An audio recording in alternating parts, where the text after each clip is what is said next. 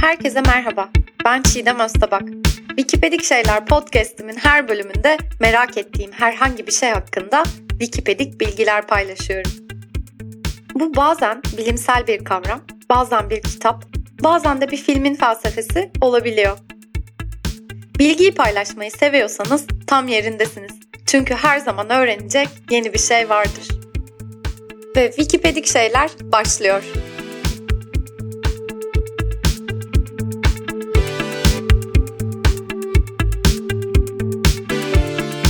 Konuyla ilgili bilgilerinizi tazelemek isterseniz ne gibi mental modeller var? Bu mental modeller nerelerden esinlenerek ortaya çıkıyor? Bunları merak ediyorsanız şunu söyleyebilirim. Bu mental modellerin büyük bir kısmı fizikten, kimyadan, biyolojiden, doğadan çıkıyor. Ve bu mental modelleri bir araya getirip toplayan ve belli kalıplarda bir araya getiren, belli bağlamlar çerçevesinde bir araya getirmekle uğraşan bir arkadaşımız var. Bu arkadaşımız Farnham Street diye bir blog var e, Farnham Street o bloğun linkini de yerleştiririz. Bu arkadaşımızın adı da Shane Parrish.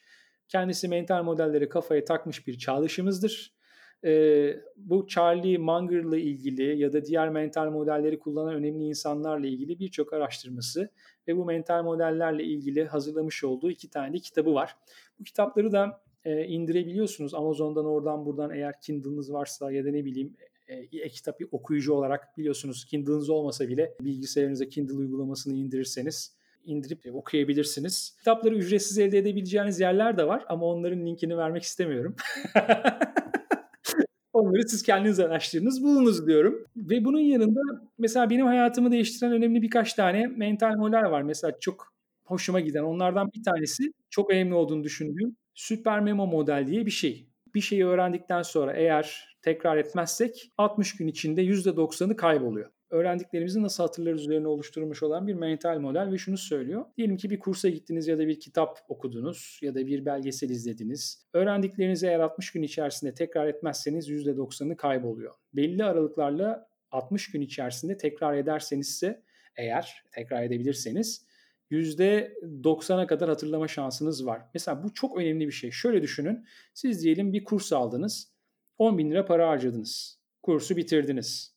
60 gün sonra e, hiç tekrar etmediniz 60 gün içerisinde. Ödediğiniz paranın %90'ı çöpe gitti. 9 bin lirası bitti.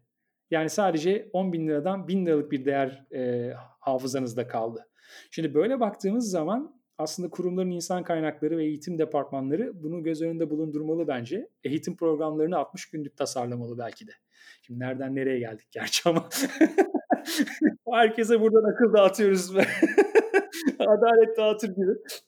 Peki biraz böyle yaşam alışkanlıklarımız konusuna girmek istiyorum e, son olarak. Hani başarı aslında böyle hepimiz için neyi ifade ettiği çok değişken bir şey tabii. Öznel bir şey. Ama ona böyle hani ulaşmak için hani birçok yaşam alışkanlığımız var ve bu da zihin modelleri kadar önemli. Hatta zihin modellerinin içi, içeriğini de barındırıyor bazı şeyler. E, bazı yaşam alışkanlıkları. Mesela hani burada benim e, böyle Hani Ali Baba'nın kurucusu Jack Ma'da da dinlemiştim bir konuşmasında. Bu işte en iyi yaşam alışkanlıklarını soruyorlar. Hani bunları böyle anlattıkları hepsinin böyle e, şeyleri var ya böyle düşünceleri vesaire. Orada mesela bir şey söyledi çok hoşuma gitti. Yani işte çok çalışın işte vesaire gibi hani böyle klasik tavsiyelerden uzaktı biraz. Cümle de tam şöyleydi yani ilham almayı hafife almayın. Yani ilham alın değil de yani ilham almayı hafife almayın. Yani aldığınız bir ilhamın bir şeyden herhangi bir şeyden hani hayatınızda nerede işe yarayacağını asla tahmin edemezsiniz diyor. Yani hafif almayın ve kaçırmayın böyle şeyleri. Onu da şöyle açıklamış. E, topluluklara konuşma konusunda böyle problemi varmış Jack Ma'nın. Yani heyecanlanıyormuş, anlatamıyormuş falan.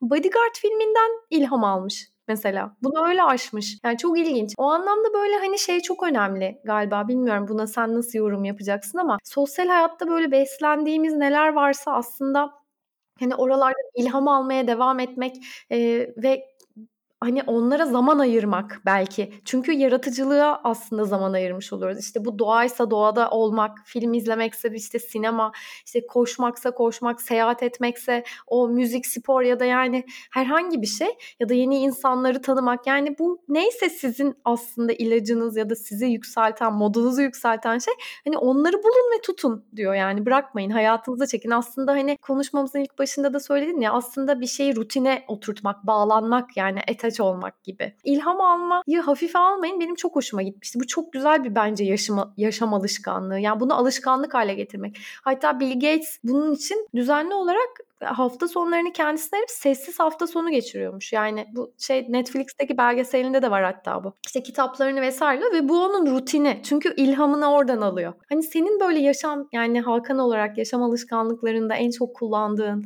faydasını gördüğün, böyle sevdiğin alışkanlığın ne? Çok güzel bir soru. Şimdi bu bahsettiklerin aslında bir mental modelle açıklanabiliyor. o mental modelin adı da asimetrik etki. Yani yaptığın hiçbir şey boşa gitmez.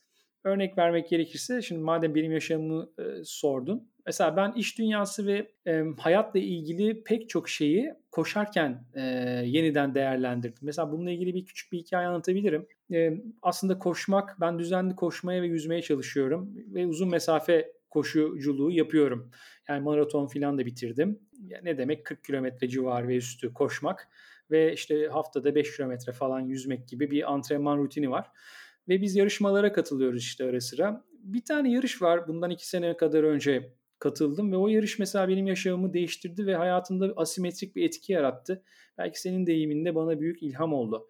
Ee, o yarışta şuydu Antalya'da e, Tahtalı Dağ diye bir dağ var. Olimpos Dağı diye de geçer. Bu mitolojide de yeri vardır. İşte tanrıların babası Zeus'un yaşadığı, o zirvesinde yaşadığı olan o dağ. O orası Olimpos bölgesi. Bilirsiniz belki arkadaşlar dinleyenler biliyordur. Antalya'da Çıralı Olimpos bölgesi. Çıralı sahilinden yani 0. metreden başlıyor. Siz elinizde batonlarla işte 28 kilometrelik bir sırtı, dağ sırtını çıkıyorsunuz ve oldukça dik yer yer bayağı dik oluyor. Ve 2300 metreye çıkıyorsunuz kendi ayaklarınızla, bacaklarınızla. Yani 0. metreden 2300. metreye zirveye çıkıyorsunuz yarış kapsamında. Ve bunu da belirlenen bir süre içerisinde yapmanız lazım. Yani ya 6 saat ya 8 saati tam hatırlamıyorum. Mesela ben o yarışta kendimi yeniden tanıdığımı ve bambaşka bir insan olduğumu düşündüm. Ve bana çok ilham verdi. Şöyle ki siz bu yarışa katılırken bir antrenman yapıyorsunuz ve bir hedefiniz var. Fakat hedefe giden yolda tek büyük bir adımla onu bitirmeniz pek mümkün değil. Dolayısıyla stratejik düşünmenin ne anlama geldiğini anlıyorsunuz. Yani 30 kilometrelik o dağ sırtını ben tek adımla ya da çok hızlıca koşarak bitiremem. Geriye doğru dönüp düşünüyorum. Bunu parçalara bölüyorum. Ne bileyim beşer kilometrelik, birer kilometrelik antrenmanlar yapıyorsun. İşte kendini oraya hazırlıyorsun. Zemin değişiyor. Zemine uygun ayakkabı giymeyi öğreniyorsun. Eğer doğru ayakkabıyı giymezsen o zemin hep kayıyor ya da işte batıyorsun ve daha fazla enerji harcaman gerekiyor. İşte her her kilometre başına alarm kuruyorum saatime mesela. Su içmem gerektiğini kendime hatırlatıyorum. Normal şartlarda evde oturup çalışırken su içmem gerektiğinde ya da ne bileyim tuvalete gitmem gerektiğinde öteliyorum.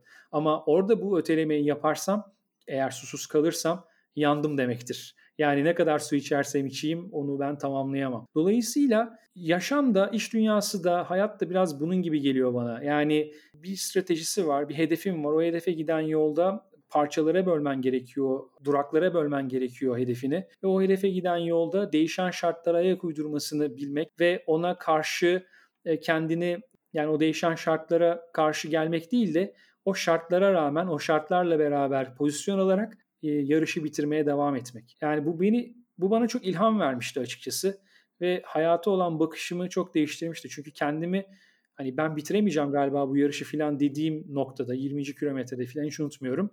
Kendimi zorlayarak ya bir dakika bu beynimin bana bir oyunu falan deyip işte cebimden bir çikolata çıkartıp hadi ye bakalım şunu ve beynini sustur deyip bir 10 kilometre daha gidebildiğimi gördüğümde benim için bir referans noktası oluşmuş oldu tam yapamayacağım, tam bittim dediğim anda bitmediğimi fark ettim.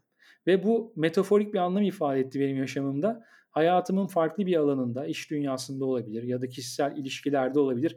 Yapamayacağım, bitiyor, ilerleyemeyeceğim dediğim noktada ya Hakan bak sen en yapamayacağım dediğin yerde işte bir çikolata çıkartıp yiyip devam etmiştin yoluna ve e, nihayete varmıştın. Demek ki bunu burada da yapabilirsin gibi bir referans noktası oluşturuyorsun. Bence hayatın içerisinde referans noktaları oluşturabilmek, gitmek istediğimiz, hedefe varmak istediğimiz yer için e, bize çok ilham oluyor. Ben böyle şeylerden çok ilham alıyorum aslında kendi hayatımda. Ya yaşam alışkanlıkları herkesin gerçekten hani sevdiği alışkanlığı çok öznel ve farklı. Hepimizin beslendiği çok acayip şeyler olabiliyor yani. E, şimdi Wikipedik şeyleri dinleyenler aslında Twitter'dan seni takip edebilirler. Hakan Akben değil mi hesabın? Twitter'da Hakan Akben. Bir de güzel bir haber vereyim bari Wikipedik şeyler aracılığıyla vermiş olayım. Ben ara sıra böyle konsept YouTube programları yapıyorum. Ee, yeni bir konsept bir YouTube programına başlayacağım. Yani youtube.com böyle Hakan Akben adresinde takip alırsanız orada hatta ne üzerine yapacağımı da söyleyeyim. E, dijital üretkenlik, yaşamda üretkenlik mutluluğumuzu arttıracak konular üzerine bir takım paylaşımlar yapıyor olacağım. İlk bölümde koşu üzerine olacak. Koşunun hayatımı ve mutluluğumu nasıl iyileştirdiğini ve sizlerin de belki nasıl iyileştirebileceğine dair örnekleri paylaştığım bir video olacak.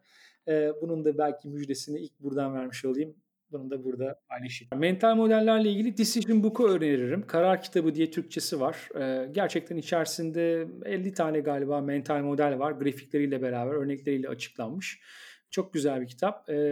Ee, sanırım bir de Art of neydi? Art of Thinking Clearly diye bir kitap var. O da yine mental modellerle ilgili. İşte Sean Parrish'in iki tane kitabı vardı. Onu da önermiştim. Ama beni son dönemde en çok etkileyen kitap ne diye soracak olursan geçen hafta okudum ve bitirdim.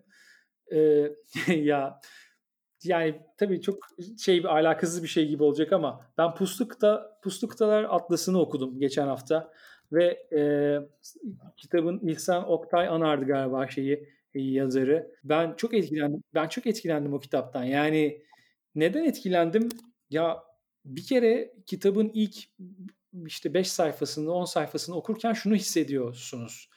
Ya benim çok hayal gücüm cücük kalmış. Ben çok business kitabı okuya okuya artık hayal kuramaz, plan yapar hale gelmişim.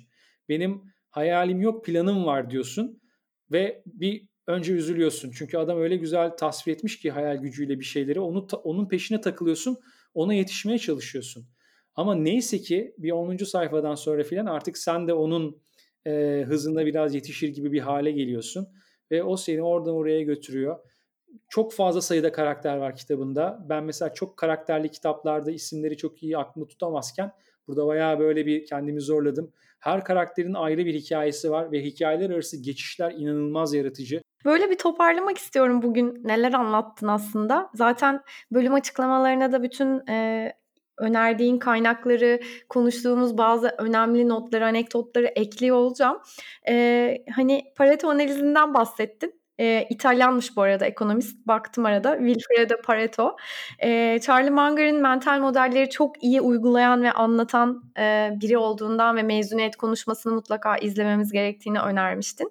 Önemli işleri önceliklendirmek için Eisenhower yönteminden bahsettin. Yetkinlik çemberi ve onay e, yanlılığından bahsettin. Bu ayrıca iki önemli konu. Aslında bunları böyle hani e, en baştan beri anlattığın e, şeyleri düşününce şöyle bir şey geliyor aklıma. Kapanışı ben de öyle yapmak istiyorum. Sen de istersen eğer. Hayatınızı etkileyecek Eee, ve özellikle böyle, hani, çok önemli bir karar alacaksanız, işte, belki yöneticinizden zam isteyeceksiniz ya da, işte, terfi isteyeceksiniz falan. Sabah almak anlamlı galiba. Çünkü beynimiz sabah çok daha akılcı oluyor. Düşünme maliyetimiz çok yüksek. Zaman çok değerli. Kısa yolları keşfetmemiz lazım. Bunun için de mental modeller hepimize zaman kazandıracak aslında. En önemlisi ise bu hani gerçekten benim de çok önemsediğim ve senin de bugün anlattıklarınla benim kafamda pekişen şeyler. Yani bizi iyi hissettiren, böyle ilham verdiğini bildiğiniz her şeye tutunmaya devam etmek gerekiyor. Bu dediğim gibi koşuysa koşu, doğada olmaksa doğada olmak yani neyse bu sizin için müzik veya farklı bir şey. Zihin modellerini de fizik, biyoloji, matematik ve böyle hani o bütün bilimin o bütün güzellikleri oluşturuyor. O yüzden de sevdiğiniz şeylerden ve hayallerinizden vazgeçmeyin. Hakan'ın da son size önerisi plan kurabilmek kadar hayal kuran insan olmak da önemli. Dolayısıyla buna da zaman ayırın. Haftaya yeni bir konuda görüşmek üzere diyorum. Hoşçakalın.